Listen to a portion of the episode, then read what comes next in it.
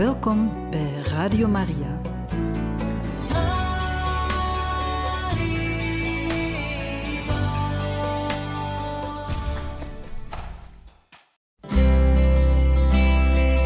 Welkom bij Boekat, een programma van Radio Maria.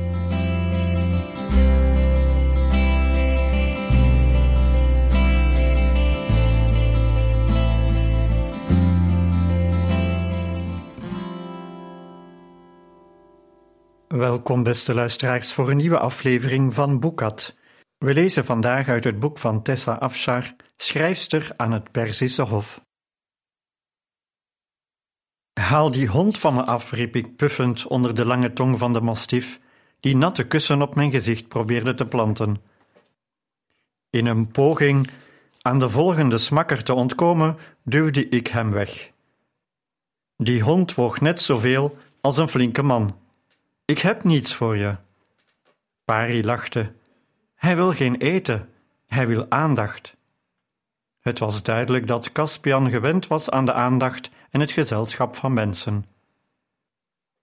De meeste Perzen waren dol op jagen en besteden buitensporig veel tijd aan hun dieren. Naast kinderen en gezinnen en het koninkrijk waren ze vooral dol op paarden. En vele van hen richtten diezelfde liefde op hun jachthonden. En gezien Caspians verwachting dat hij geknuffeld zou worden, concludeerde ik dat de mastif ook op Darius aandacht mocht rekenen. Het verbaasde me dat Thijspes het had gewaagd de hond slecht te behandelen. Laten we wat met hem in de tuin gaan lopen. Zodra ik het woord tuin in de mond nam, begon Caspian te janken.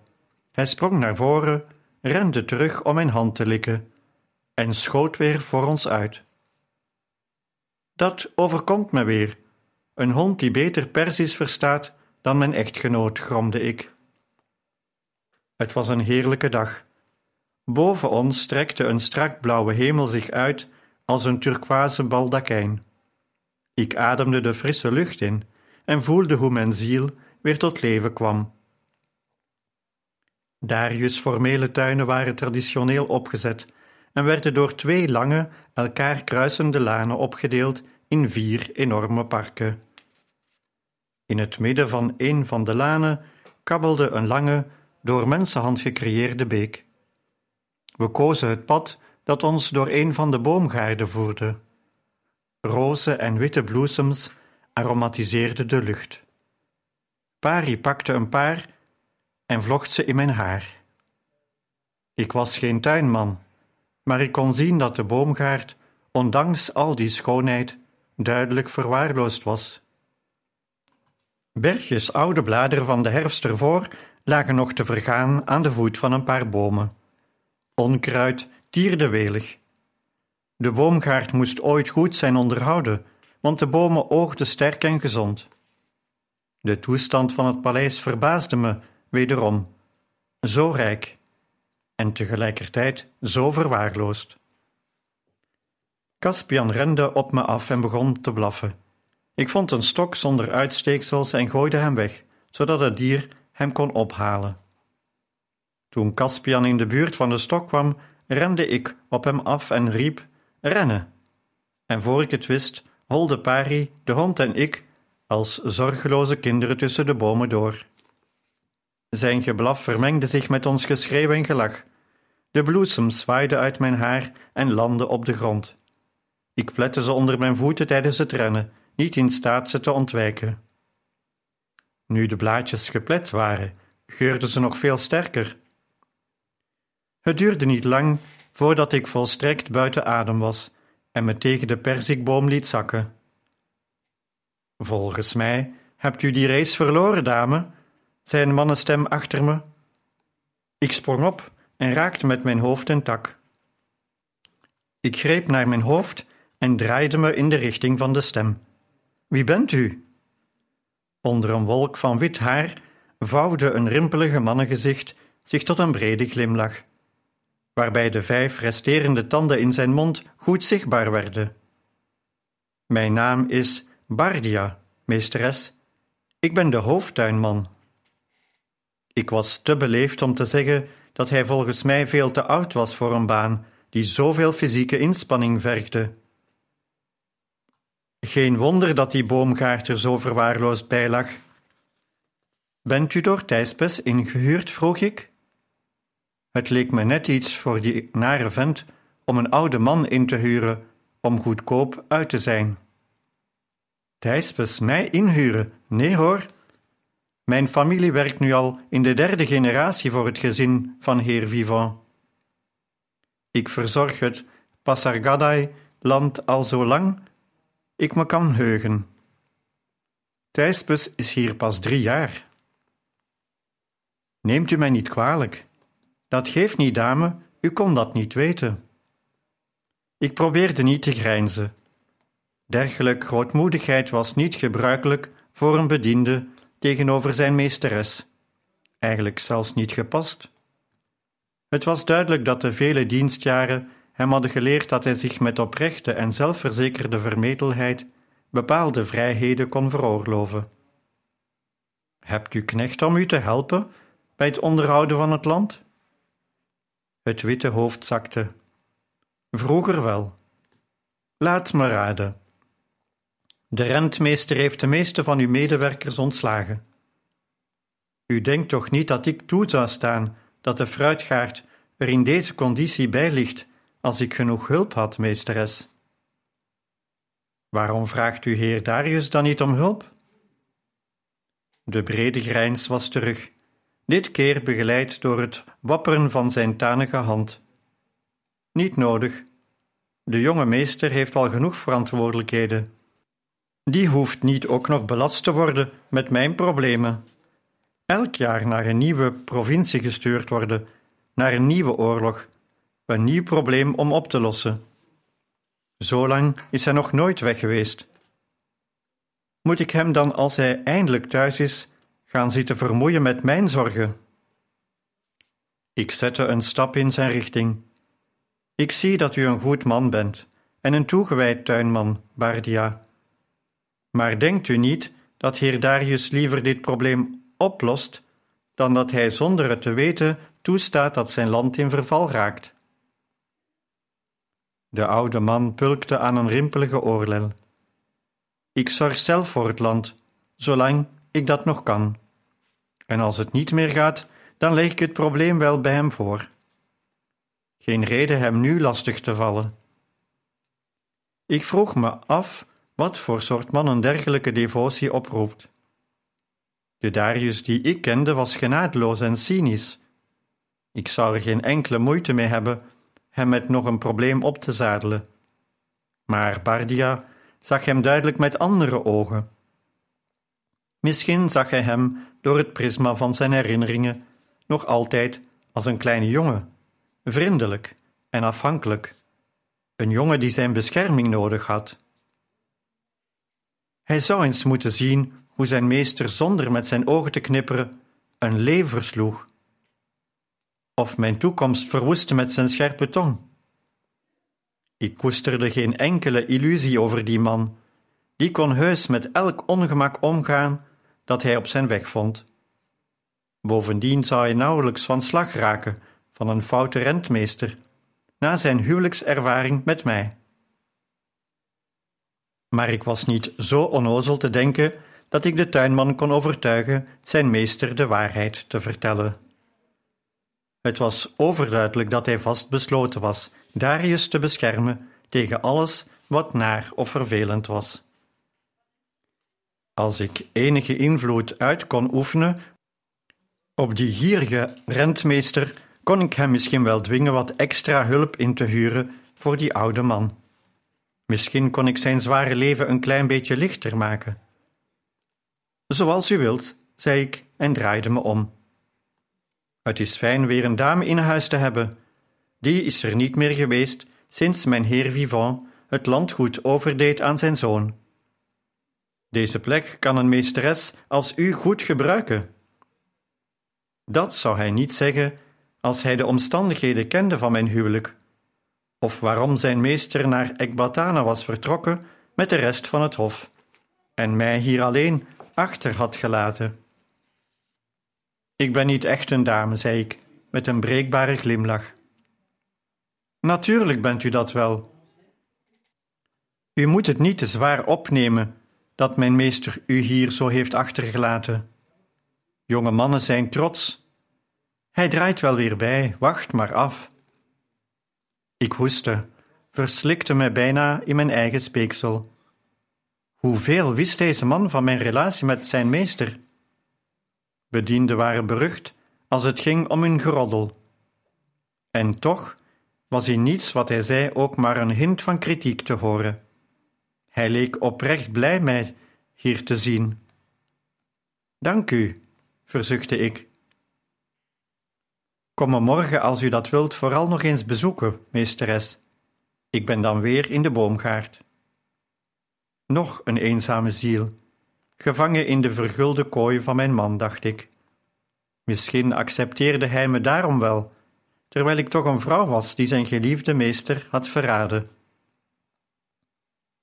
Misschien was ik beter dan niets.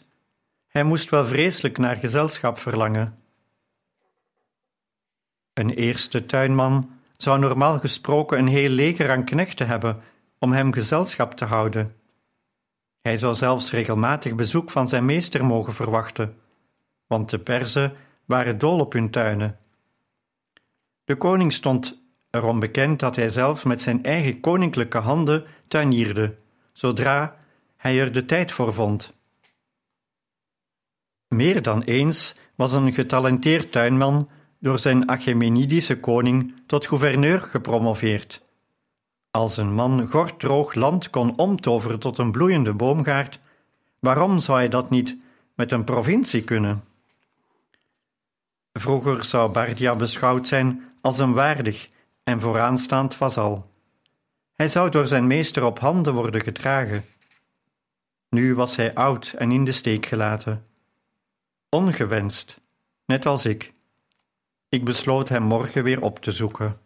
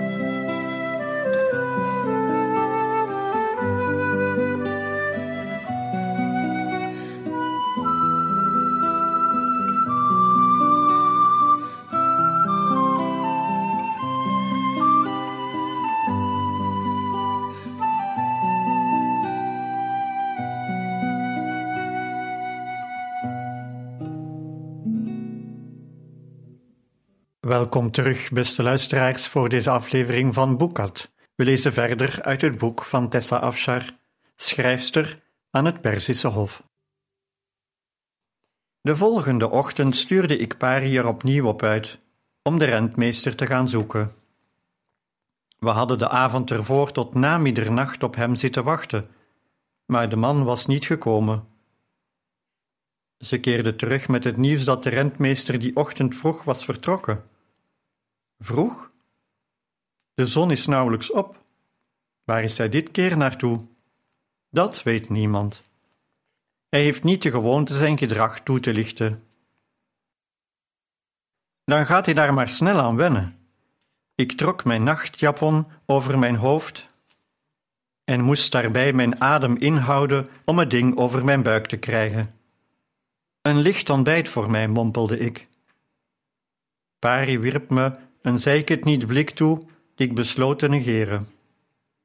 Caspian duwde zijn natte neus tegen mijn arm. Houd daarmee op, monstertje. Dat gehuil voor mijn kamer vannacht was niet te harde. Ik kan niet geloven dat u hem binnen hebt gelaten, giechelde Pari. Zolang hij maar niet op mijn bed klimt. Heb je dat gehoord, hondlief? Caspian piepte. Misschien moeten we eerst maar langs de keuken om voor Caspian iets te eten te halen. Maar voor we naar de keuken liepen, moest ik eerst ergens anders langs. Ik wilde Thijsbes boekhouding controleren. Hield Darius hem in dienst omdat die man zo handig was dat hij hem geld bespaarde. Als dat zo was, moest ik andere manieren vinden om te bezuinigen, zodat mijn man niet boos zou worden om de extra uitgaven die nodig waren voor de veranderingen, die mij voor ogen stonden. We vonden het kantoortje dat natuurlijk net als het kantoor van mijn man potdicht zat. Thijsbes begon me nu echt op de zenuwen te werken. Caspian kon reuze braaf zijn als hij wilde, en op mijn verzoek bleef hij netjes voor de keukendeur wachten. Susan stond op toen we binnenkwamen. Goedemorgen, zei ik. Heb je misschien wat restjes voor de hond? Hij gedraagt zich momenteel voorbeeldig, maar wat eten zorgt er wellicht voor dat dat ook zo blijft. Jawel, meesteres. Ik heb een paar dingen voor hem apart gehouden. Caspian was dolblij met zijn maaltje. Ik vroeg me af wat hij gegeten had, voor Pari zich over hem ontfermde. Thijspes was ongetwijfeld slim genoeg om de favoriete jachthond van zijn meester niet helemaal te verwaarlozen. Mag ik wat yoghurt en honing? vroeg ik toen ik weer de keuken inkwam. Ik had besloten mijn grenzeloze eetlust aan banden te leggen en eten niet langer te beschouwen als een manier om de verveling te verdrijven. Pari weigerde zich bij me te voegen, want het was volgens haar niet gepast dat een bediende tegelijk met haar meesteres at. Uiteindelijk wist ik haar te overtuigen in de ene hoek van de keuken te ontbijten, terwijl ik in de andere hoek zat. Ik kon haar toch moeilijk op het landgoed rond laten lopen met een knorrende maag. We gaan vandaag Bardia weer opzoeken in de boomgaard, zei ik tegen Susan, die zich eveneens aan de andere kant van het vertrek bevond. Ze was lichtelijk geschokt dat ik in de keuken at, denk ik, en ik wilde haar op haar gemak stellen. Aangezien we de rentmeester niet kunnen vinden, dacht ik dat we misschien met de tuinman kunnen gaan praten om te zien wat hij nodig heeft. O, meesteres, als u daar toch naartoe gaat, dan wil uw dienstmeisje misschien wat eten meegeven voor de oude man, dat ik voor hem apart heb gehouden. Hij vergeet soms te eten. Voor de nieuwe rentmeester er was, kwamen Bardias mannen elke dag langs om zijn rantsoen op te halen. Hij heeft nu bijna geen hulp meer en maakt zich zo druk om zijn bomen en bloemen dat hij zijn eigen maag vergeet. Natuurlijk. We konden Bardia echter niet in de boomgaard vinden.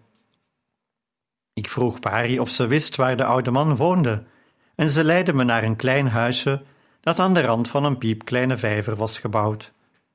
We klopten, maar er kwam geen antwoord. We moeten het eten maar binnen achterlaten, uit de hitte van de zon, zei ik. Het voelde raar om zomaar iemands huis binnen te gaan, en daarom wilde ik het eten snel neerzetten en weer weggaan. Maar wat ik binnen aantrof, benam me letterlijk de adem. De kamer rook naar schimmel en was met stof bedekt. De muren die dringend gerepareerd moesten worden, vielen op sommige plekken letterlijk uit elkaar. en een enorme vochtplek op de grond maakte duidelijk waar alle problemen vandaan kwamen. Er was maar één stoel, en bij nadere bestudering bleek die gebroken te zijn. De matras die netjes opgerold tegen een muur stond, had de schimmellucht overgenomen en moest dringend worden gereinigd.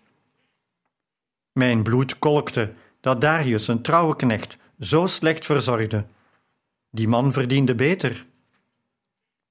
Deze plek moet eens goed worden schoongemaakt, verzuchtte Pari, die de zoom van haar rok optilde, zodat hij niet de grond raakte.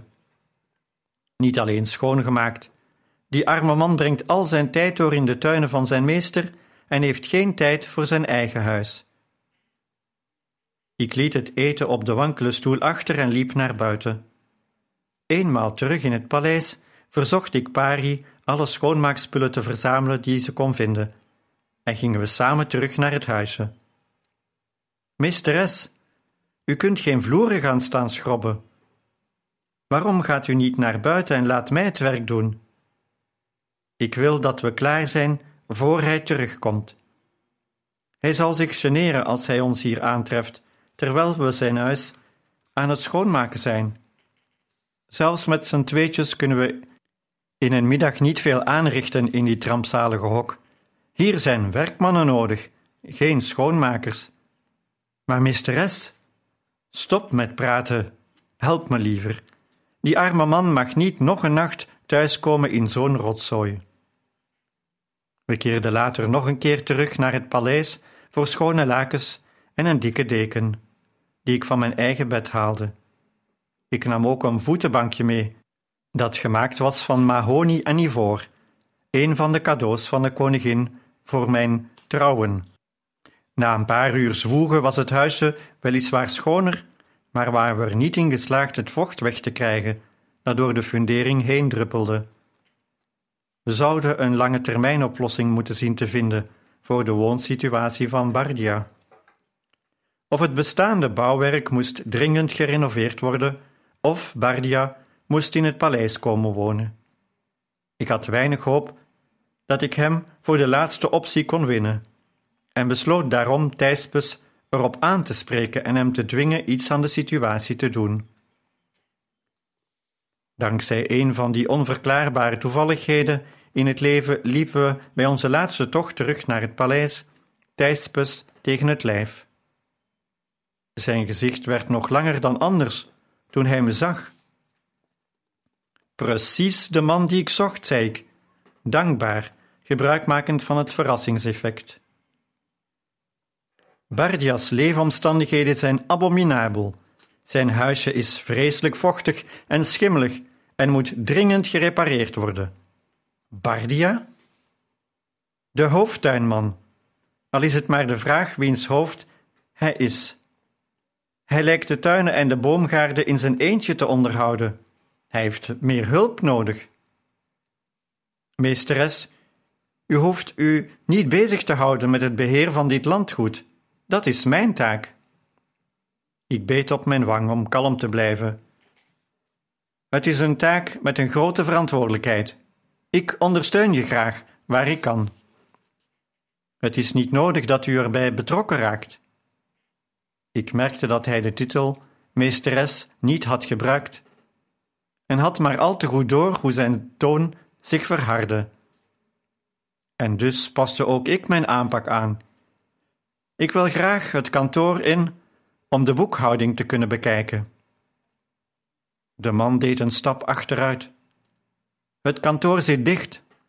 Dat heb ik gemerkt. En ik neem aan dat je een sleutel hebt. Hij antwoordde niet en keek me zonder te knipperen aan. Ik vatte het maar als een ja op. Goed dan, laten we gaan. Ik kan die deur onmogelijk openen zonder toestemming van mijn meester. Doe niet zo mal. Ik ben zijn vrouw. Ik eis dat je me inzage geeft in de boekhouding. Hij had de euvele moed te glimlachen.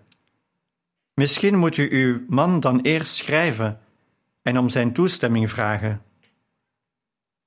Als mijn haar niet zo zwart was, zou het net zo rood zijn geworden als de rest van mij. Schaamte sloeg me als een zweep in het gezicht. Nooit eerder had ik me zo gekleineerd gevoeld. Het was overduidelijk dat Thijspes op de hoogte was van de relatie tussen mij en mijn man. En hij dacht dat hij onaantastbaar was, ongeacht hoe hij me behandelde. Ik besefte dat ik gezien mijn machtspositie behoorlijk kwetsbaar was. Tijdens Darius' afwezigheid had deze man alle touwtjes hier in de handen. Ik kon niet eens zonder zijn toestemming een boodschap versturen. Schaamte maakte plaats voor woede. Die vent misbruikte zijn macht door een heleboel mensen heel slecht te behandelen. Ik wist niet of zijn meester instemde met zijn methode, of dat hij gewoon de verkeerde man vertrouwde. Maar hoe het ook zat, ik besloot niet toe te geven aan intimidatie. Er waren mensen die mij nodig hadden, en ik kon me de luxe niet meer permitteren om bang te zijn.